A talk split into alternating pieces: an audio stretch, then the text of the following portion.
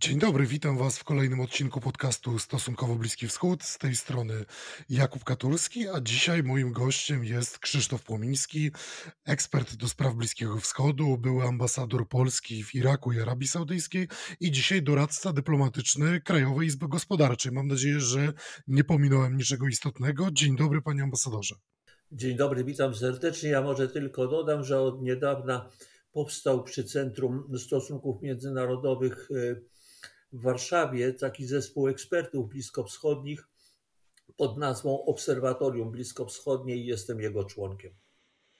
To świetnie się składa, bo właśnie będziemy przyglądać się temu, co się dzieje na Bliskim Wschodzie, no i najprawdopodobniej wydarzenia, o których dzisiaj będziemy, mówiły, będziemy mówili, no też mogą wpłynąć na relacje Polski z regionem. Polska ma dość istotną relację z Izraelem, a także pracuje nad rozwojem relacji z przede wszystkim z państwami mm, Zatoki Perskiej czy Półwyspu Arabskiego. No a Polacy też chętnie Bliski Wschód odwiedzają, więc nie trudno wysnuć tutaj wniosek, że to, co dzisiaj dzieje się w regionie, i mam tutaj na myśli e, przede wszystkim najnowszą eskalację konfliktu izraelsko-palestyńskiego i to, co politycznie dookoła tej e, eskalacji wyrasta, to będzie miało też wpływ na to, jak Polska będzie na ten region patrzała. A w tym momencie chciałbym Pana zapytać o normalizację izraelsko-saudyjską. No bo nie jest tajemnicą, że Izrael ostrzy sobie już od miesięcy, jeśli nie lat, zęby na to, żeby znormalizować relacje z Arabią Saudyjską, która widziana jest jako no, chyba jeden z najważniejszych krajów arabskich, jeśli nie najważniejszy. No i taki klucz do tego, by y, otworzyć drogę do znormalizowania relacji także z innymi państwami arabskimi. W tym procesie mediują Stany Zjednoczone, a saudyjscy decydenci też sygnalizowali, że potencjalnie mogliby być zainteresowani. No, wychodzi na to, że proces będzie utrudniony przez właśnie eskalację konfliktu między Izraelem a Palestyńczykami. Na czym stoi ten proces w tym momencie? Proces normalizacji saudyjsko-izraelskiej ma bardzo długą historię. To można porównać do takiego pociągu, który od dekad porusza się, ale porusza się w bardzo wolnym tempie.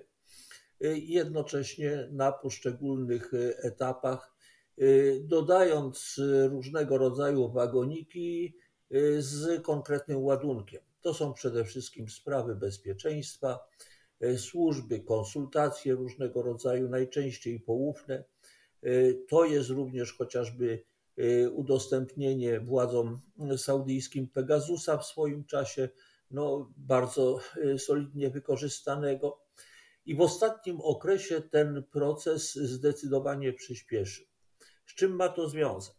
Z jednej strony z ujawnieniem się w Arabii Saudyjskiej nowego pokolenia przywódców. Kończy się stara e, formuła dynastii, przechodzenia tronu e, na poszczególnych e, braci, na poszczególnych synów założyciela monarchii króla, króla Abdulaziza. No i dochodzi do władzy ktoś, kto już w tej chwili jest rzeczywistym władcą, czyli książę Muhammad bin Salman, następca, następca tronu. Przedstawiciel pokolenia, który widzi potrzebę gruntownego zreformowania Arabii Saudyjskiej, zmiany dotychczasowego jej profilu, e, częściowo również e, rozumiejąc, w jakim momencie historycznym znajduje się kraj, mianowicie zbliża się kres ery naftowej, która decydowała w dużym stopniu o pozycji Arabii Saudyjskiej. I jeżeli teraz kraj ma zachować zdolności rozwojowe i ma realizować swoje ambicje bycia E, wybitnym graczem regionalnym i również e, w skali globalnej, no to po prostu potrzebne są reformy. I te reformy są we wszystkich dziedzinach realizowane. Reformy w kraju. Mówi Pan oczywiście o tym projekcie Vision 2030. Tak, tak. To jest, to jest kompleksowy plan transformacji kraju, który obejmuje no, praktycznie rzecz biorąc wszystkie dziedziny, łącznie e, z kulturą, turystyką, Każdy, każdy obszar tutaj, tutaj jest ujęty. Do tego, żeby go zrealizować, z jednej strony są potrzebne pieniądze i Arabia Saudyjska ma pewną wizję, która została wypracowana, ale również spokój, zarówno w kraju, jak i w regionie. No, plus sprzyjałby temu również ustabilizowany i przewidywalny świat. Tu również e, w tym miejscu znajduje się też temat kluczowy dla Arabii Saudyjskiej, a mianowicie relacje ze Stanami Zjednoczonymi. Od 1945 roku, kiedy y, Saudyjczycy zawarli ze Stanami Zjednoczonymi swego rodzaju pakt bezpieczeństwa, ropa y, za, za bezpieczeństwo, Arabia Saudyjska była solidnym, lojalnym sojusznikiem Stanów Zjednoczonych. Y, odgrywała jednocześnie ogromną rolę dla wsparcia polityki amerykańskiej na Bliskim Wschodzie i znacznie pomogła Stanom Zjednoczonym poprzez politykę cenową w sektorze ropy naftowej zwyciężyć w zimnej wojnie z Związkiem Radzieckim. Ta polityka finansowo rzuciła Związek Radziecki na kolana. Tyle, że w ostatnim okresie priorytety amerykańskie zaczęły się zmieniać. Na głównego rywala wyrosły Chiny i Bliski Wschód zszedł jak gdyby na dalszy plan. Czyli ta formuła również dotychczasowego sojuszu amerykańsko-saudyjskiego, ona się wyczerpywała. Saudyjczycy byli tym rzeczywiście bardzo zaniepokojeni, ponieważ żyją w niepewnym regionie, w niestabilnym, mają nie tylko przyjaciół, ale również zawziętych wrogów w regionie. W związku z tym zaczęli poszukiwać rozwiązań odpowiednich do tej sytuacji. I tutaj trzeba powiedzieć o mm, wyjściu y, naprzeciw y, E, Riyadowi ze strony Pekinu. Chińczycy, którzy patrzą na region Bliskiego Wschodu jak na jeden z najważniejszych obszarów dla swoich interesów i obszar, od którego w gruncie rzeczy zależy e, bezpieczeństwo energetyczne Chin i jego rozwój, postanowiły rzeczywiście tutaj realizować bardzo konsekwentny i solidny plan, w którym Arabia Saudyjska odgrywała i odgrywa w dalszym ciągu e, czołowe, czołowe miejsce. E, to między innymi e, przyczyniło się do tego, że Stany Zjednoczone zrozumiały zagrożenia dla swoich interesów. Zrozumiały również, że Arabia Saudyjska i inne kraje regionu mają realną alternatywę. Nie są pozbawione tutaj możliwego wsparcia. I stąd również administracja Bidena doszła do wniosku, że trzeba przemodelować stosunki z Arabią Saudyjską. Nie było to łatwe. Dlaczego? E, prezydent Biden szedł do wyborów z hasłem no, de facto upokorzenia Arabii Saudyjskiej i księcia następcy tronu. Obiecywał, że uczyni z nich pariasów. No i padło tyle inwektyw z obu stron, że i w Riyadzie, i w Waszyngtonie nie bardzo wiedzieli, jak z tego wyjść. A jednocześnie potrzeby się zarysowały. W jakimś stopniu rozwiązaniem było nadanie procesowi przemodelowania stosunków amerykańsko-saudyjskich drugiej nogi, bym powiedział, drugiego kanału, a mianowicie tego, co w Stanach Zjednoczonych no, w dalszym ciągu e, budzi uznanie dużej części społeczeństwa, a mianowicie zajęcie się sprawami izraelskimi i działanie na rzecz Izraela. I tutaj Stany Zjednoczone bardzo zdecydowanie zaangażowały się w ten proces e, normalizacji stosunków saudyjsko, saudyjsko-izraelskich. Z różnych e, przecieków, e, ale również z wypowiedzi oficjalnych w okresie bezpośrednio poprzedzającym kryzys wokół gazy, wynikało, że ten proces jest zaawansowany, bliski i tu bardzo ważna sprawa, w zasadzie nie ujmujący w jakimś bardziej istotnym stopniu trzeciego elementu, który w tej układance był potrzebny, a mianowicie spraw palestyńskich.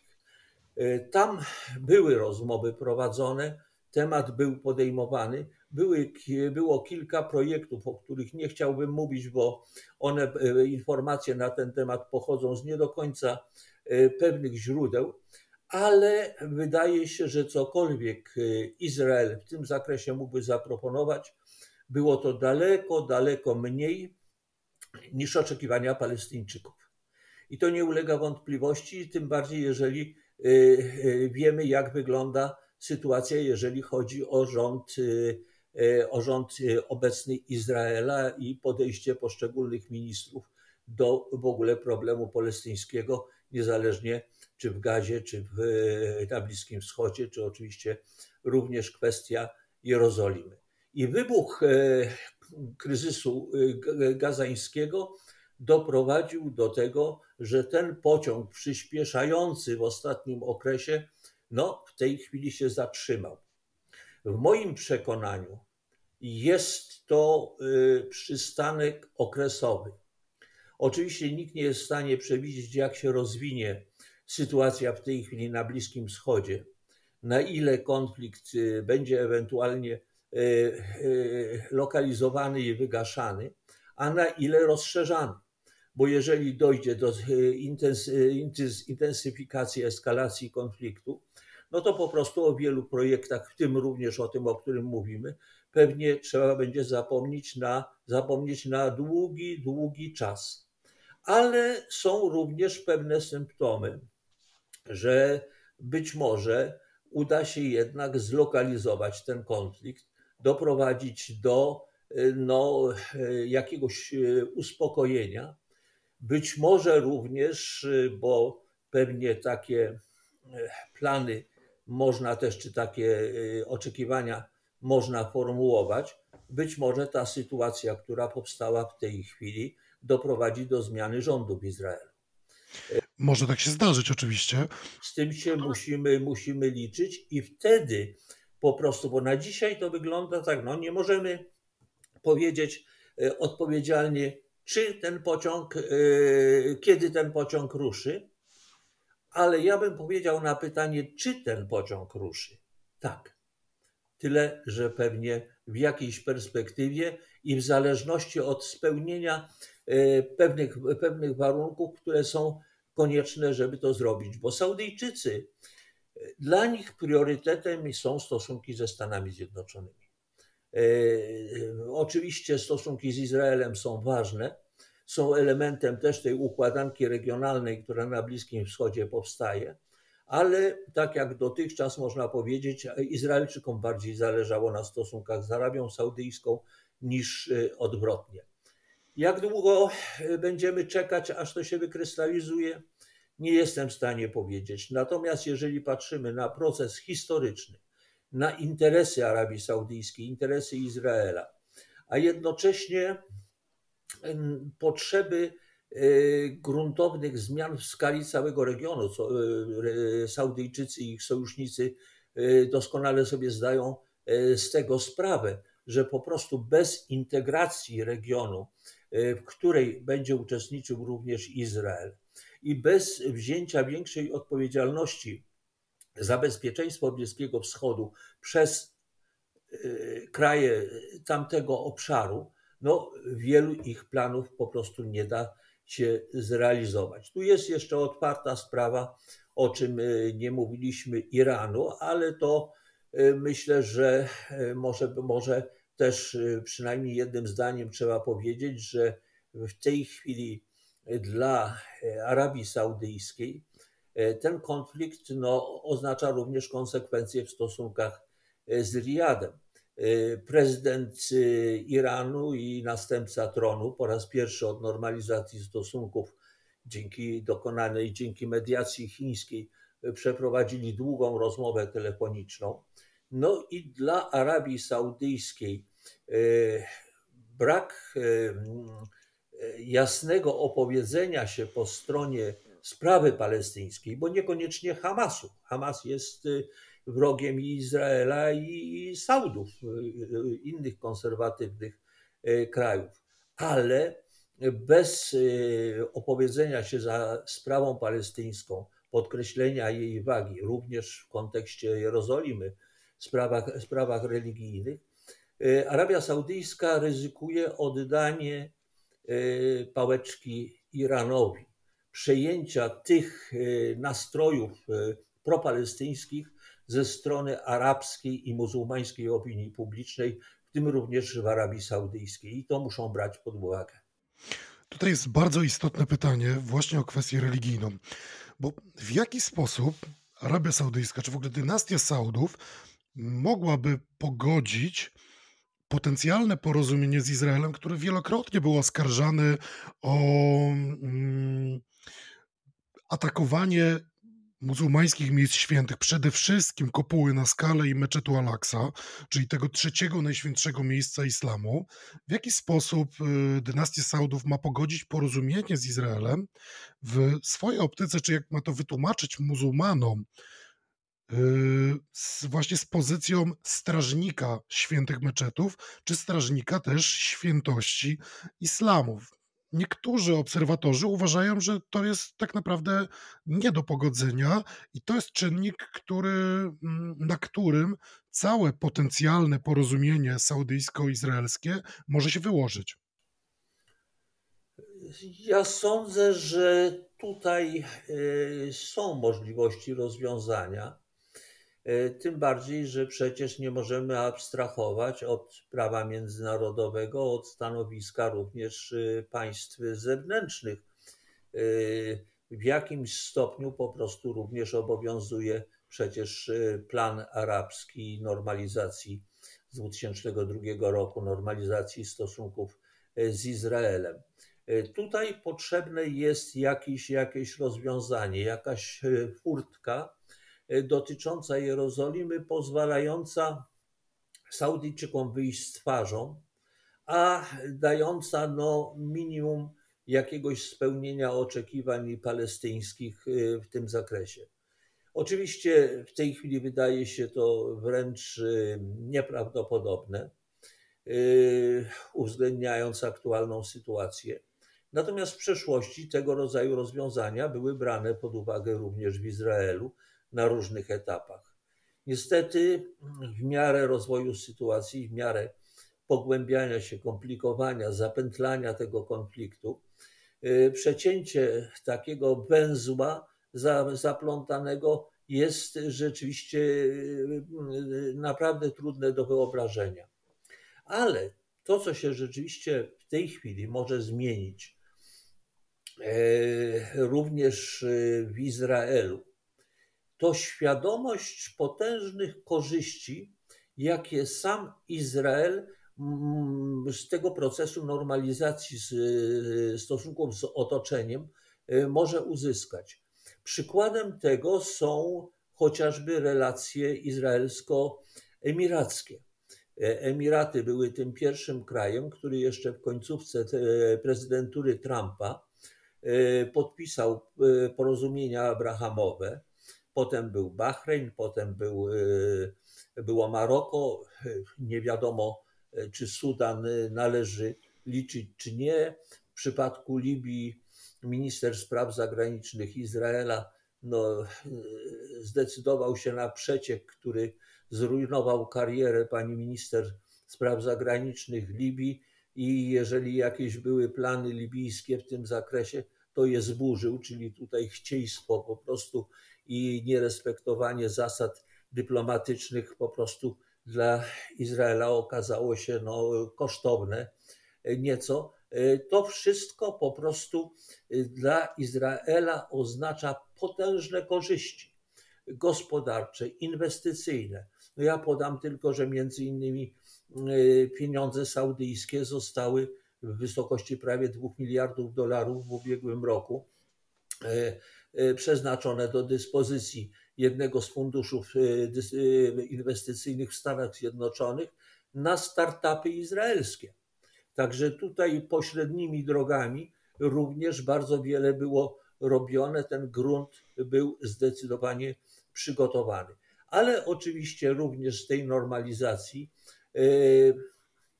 same kraje arabskie mogą ogromnie skorzystać i technologicznie, i kulturowo, y, pod y, naprawdę bardzo wieloma względami. No i co więcej, to jeżeli popatrzymy na projekty y, o skali regionalnej w ostatnim okresie, to zobaczymy, że są to projekty zarówno chińskie w ramach pasa i drogi, które dotyczą szlaków komunikacyjnych, które w założeniu miały łączyć y, Chiny z Europą poprzez Bliski Wschód, ale to jest również ostatnio przedstawiony projekt amerykański dotyczący podobnych korytarzy transportowych sponsorowanych przez Indię, łączących Indię.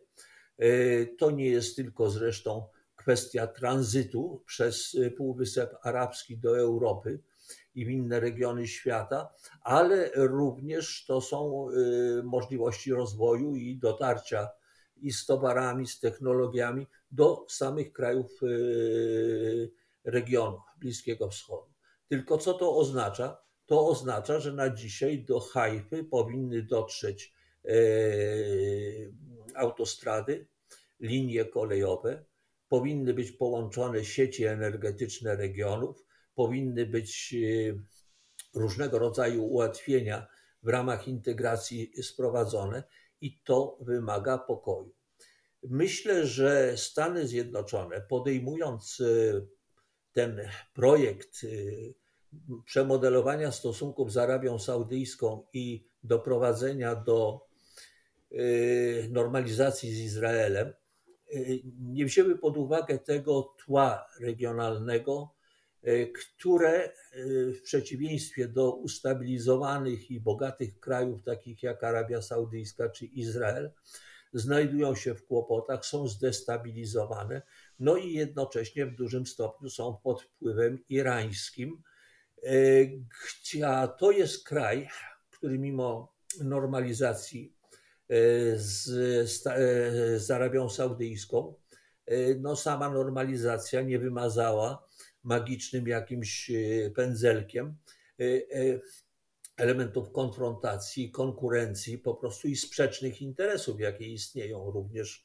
również w sferze interesów narodowych czy w sferze interesów religijnych, czy w zabiegania o pozycję w całym świecie islamu, ponieważ tutaj jeszcze to, o co Pan pytał, ten kontekst, wymiar Jerozolimy, to dla Saudyjczyków jest również ten element religijny e, e, jednym z fundamentów czy e, elementów budowania pozycji Arabii Saudyjskiej w całym świecie muzułmańskim. A to mamy potężną, potężną grupę, bardzo liczną krajów, których wiele rzeczywiście odgrywa w swoich regionach i w świecie bardzo, bardzo dużą rolę.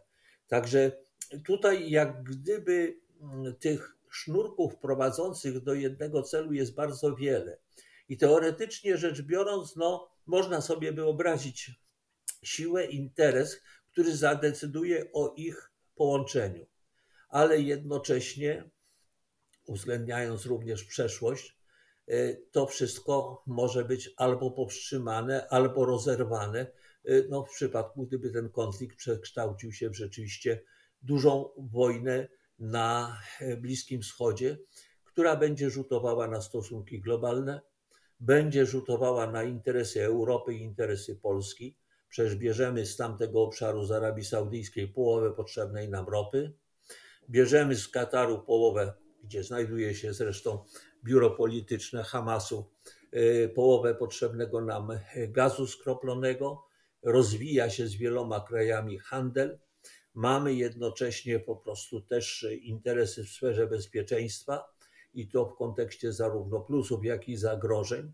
Mamy cały czas e, również presję migracyjną, również w zależności od tego, jak sytuacja w gazie się dalej rozwinie, no można y, rozpatrywać też y, wysoce w tej chwili prawdopodobieństwo, że kilkaset co najmniej tysięcy y, mieszkańców gazy po prostu będzie szukało szczęścia gdzieś za granicą. Nie znajdzie, ma dwie granice. W Izraelu nie ma szans, w Egipcie również nie ma szans, bo w Egipcie w tej chwili jest 9 milionów uchodźców Y, z innych krajów. Egipt y, i pod kątem ideologicznym jest wrogi wobec Hamasu, ale jednocześnie z wielu względów boi się przeniesienia tego konfliktu na swoje terytorium i zagrożenia procesu pokojowego z Izraelem, który też przecież kuleje w wielu przypadkach. Także tutaj mamy do czynienia z ogromną ilością bardzo skomplikowanych i złożonych elementów, nie licząc oczywiście tego, co pod stołem się dzieje między wielkimi mocarstwami, które rozgrywają i starają się też no, na tym Bliskim Wschodzie swoje pozycje umocnić. Wśród nich zresztą należy, należy Rosja. A z konsekwencji, jakie dla naszych interesów w Europie i w Polsce też mogą wypływać, wypływają w tej chwili, to jest również ograniczenie pomocy i zainteresowania Stanów Zjednoczonych e, wojną, e, agresją rosyjską na, na Ukrainę. Tu nie ma się co oszukiwać. Widzimy już w tej chwili po zachowaniu polityków, kongresmenów, również amerykańskich, że tam toczą się bardzo poważne dyskusje, jak dalej Stany Zjednoczone powinny w tym zakresie y, postępować. No, to jest oczywiście istotne, ale jeszcze bym chciał się cofnąć do Hamasu, bo powiedział pan, że Arabia Saudyjska widzi w Hamasie swojego wroga, tak samo jak Izrael zresztą, no i Egipt również widzi w Hamasie wroga. Co jest związane oczywiście z tym, że Hamas jest bardzo blisko powiązany z ruchem Bractwa Muzułmańskiego, czyli z ruchem islamistycznym, który jest e, raczej widziany jak zagrożenie przede wszystkim przez te tradycyjne monarchie. E, z wyjątkiem Kataru. Katar z kolei nie widzi w Bractwie Muzułmańskim zagrożenia, stąd też w Dosze właśnie mieści się siedziba biura politycznego Hamasu. No i mamy ten aspekt rywalizacji saudyjsko-katarskiej, bo przecież relacje Arabii Saudyjskiej z Katarem nie są najlepsze. Wystarczy też przypomnieć słuchaczom, słuchaczkom, że mm, Arabia Saudyjska wspólnie z innymi państwami arabskimi przez pewien czas yy, dokonywała blokady Kataru i izolacji politycznej yy, Kataru, skąd nadaje przede wszystkim no chyba najpopularniejsza w arabskim świecie y, stacja telewizyjna Al Jazeera, zresztą popularna nie tylko w świecie arabskim, bo mm, jest to konglomerat medialny, który nadaje w wielu językach i przedstawia tą wizję. Do tego stopnia popularna i y, nadająca z miejsca wydarzeń, że w Izraelu y, program chyba został odcięty w ostatnich dniach.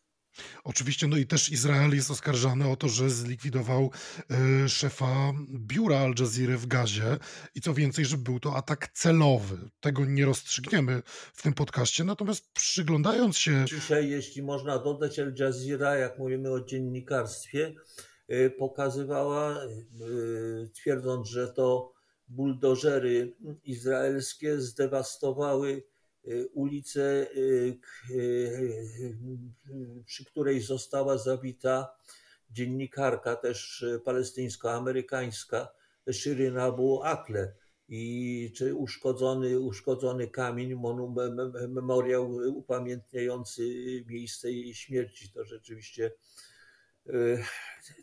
ten kawałek miasta wyglądał makabrycznie zdewastowany. No, rzeczywiście re, relacje Izraela z Al Jazeera są napięte, delikatnie mówiąc. Natomiast jak. Zresztą likwidacja Jaziry była w swoim czasie jednym z warunków po prostu ultimatum postawionego Katarowi przez Arabię Saudyjską i stowarzyszone z, z, z nią kraje. Tak, ale właśnie to ultimatum nie zostało wypełnione. Al Jazeera dalej istnieje, jest, y, ma potężne wpływy i jest bardzo popularnym medium. Yy, natomiast jeśli Katar wspiera Hamas, bo właściwie można wprost powiedzieć, że Katar Hamas wspiera, to kogo w tym konflikcie miałaby wspierać Arabia Saudyjska, widząca w Hamasie wroga? Czy jest to Fatah, czy też Arabia Saudyjska nie ma swojego faworyta w całym tym w całej tej siatce powiązań izraelsko-palestyńskich? Arabia Saudyjska nie lubi inwestować e, w interesy, z których nie widać pożytku. I w przypadku Palestyny, tutaj rzeczywiście Arabia Saudyjska nie postarała się o przejęcie czy wykreowanie jakiegoś ugrupowania, powiedzmy w cudzysłowie, swojego. E, wynika to chyba e, ze zrozumienia właściwie, które nie tylko dotyczy e, Saudyjczyków, ale pewnej nierozwiązywalności tego konfliktu. Jednocześnie Saudyjczycy i wiele krajów w regionie są, są zmęczeni ciągnącymi się przez dziesięciolecia problemami w regionie, z których też y, bardzo wiele, nawet jeżeli zostało częściowo y, uśpionych, to może być w każdej chwili reaktywowanych. Są również zmęczeni nieustającą ingerencją zewnętrzną w sprawy regionu. I jak gdyby z tego do pewnego stopnia urodziło się w Riyadzie przekonanie, że spróbujmy otworzyć się na współpracę gospodarczą w skali regionalnej, pokazać i Izraelowi, ale również Palestyńczykom, a może przede wszystkim Palestyńczykom, jakie tu mogą być korzyści bytowe, egzystencjonalne, y, gospodarcze dla również Palestyńczyków. I tutaj y, no, ten temat się niejednokrotnie w ostatnich latach y, przewijał. Natomiast chyba nie wzięto pod uwagę no, tego nacjonalizmu y, y, palestyńskiego. Mówimy, prawda, że zastanawialiśmy się, czy jak Rosja, czy potępialiśmy, jak Rosja mówiła, że Ukraina to nie naród, po prostu tylko jakiś tam odprysk rosyjskiego, rosyjskiego świata. Tutaj trochę też mamy do czynienia z tym, że jeżeli w jakichś tam okresach czasu mogliśmy mówić o nie do końca ukształtowanym narodzie, to przez e, również częściowo politykę izraelską ten naród w tej chwili jest ukształtowany. I w związku z tym ma swoje aspiracje, ma swoje prawa wynikające z prawa chociażby międzynarodowego, ale również e, z odbioru e, w regionie, z sympatii jaka występuje nie tylko w bezpośrednim regionie, ale również y, na globalnym południu. Y, I ja myślę i wielokrotnie to mówiłem, że jednym z problemów w naszym oglądzie sytuacji jest to, że w Polsce brakuje nam często własnego punktu odniesienia, y, wykrystalizowanych własnych interesów, przez których, pryzmat których patrzymy na wydarzenia w różnych regionach świata.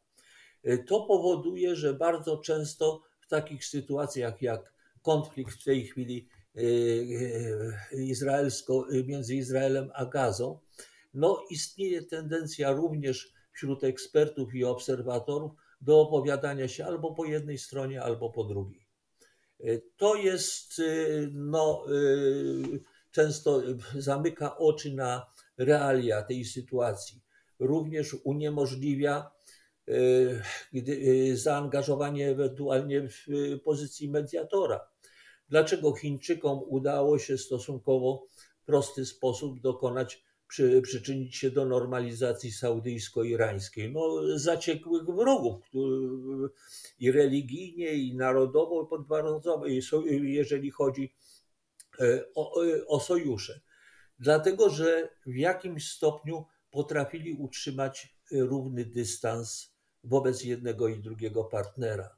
Stanom Zjednoczonym brakuje takiego podejścia, bo Europa od dawna się nie interesowała, raczej importowała problemy z Bliskiego Wschodu, niż starała się tam jakieś własne interesy artykułować, czy chociażby też y, postulować wobec Izraela, no w wielu przypadkach my wasze interesy uwzględniamy, uwzględniajcie również y, nasze interesy. Tego, tego brakuje.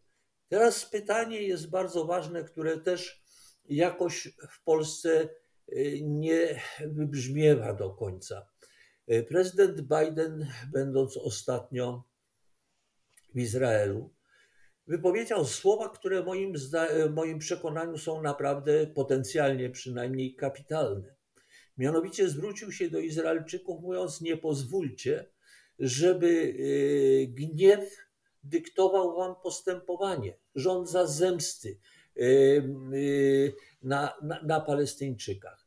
I nie popełnijcie tych błędów, które my popełniliśmy jako Stany Zjednoczone po ataku terrorystycznym na Stany Zjednoczone 11, 11 września.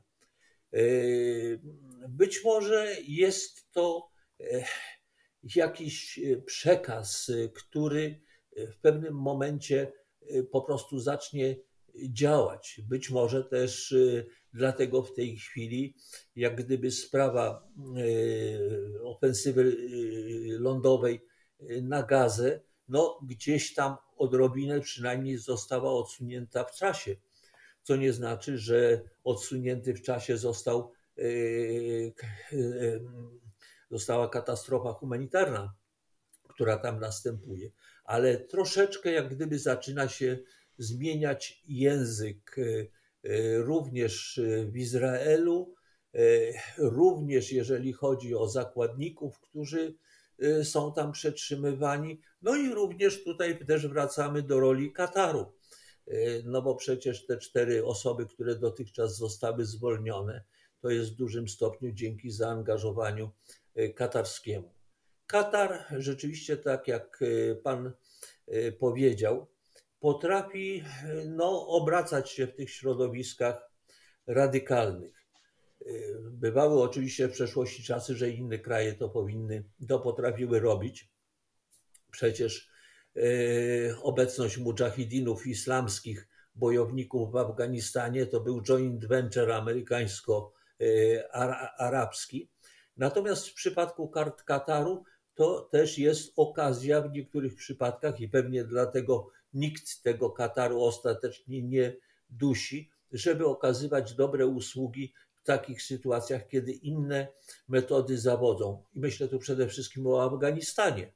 Też e, talibowie mieli yy, przez cały czas swoje przedstawicielstwo w Katarze i to pozwoliło w którymś momencie odegrać E, zaoferować dobre usługi Stanom Zjednoczonym i przyczynić się w bardzo istotnym stopniu do porozumienia z talibami, które, i znowu abstrahując od tych scen ostatniego dnia na lotnisku w Kabulu, dało mimo wszystko e, możliwość Stanom Zjednoczonych wycofania się z twarzą e, albo bez całkowitej utraty twarzy z Afganistanu. Panie ambasadorze, tutaj postawimy kropkę.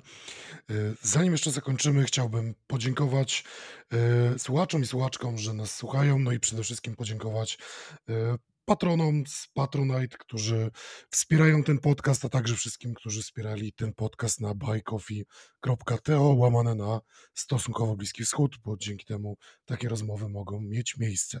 I dziękuję panu oczywiście za podzielenie się swoją wiedzą ze mną i ze słuchaczami, słuchaczkami. Ja uprzejmie dziękuję, wszystkiego dobrego, no i również, żeby stać solidnie na finansowej podstawie materialnej, bo to jest bardzo potrzebne, żeby realizować taką misję rzeczywiście, jak Pan realizuje. Bardzo dziękuję. Dziękuję bardzo.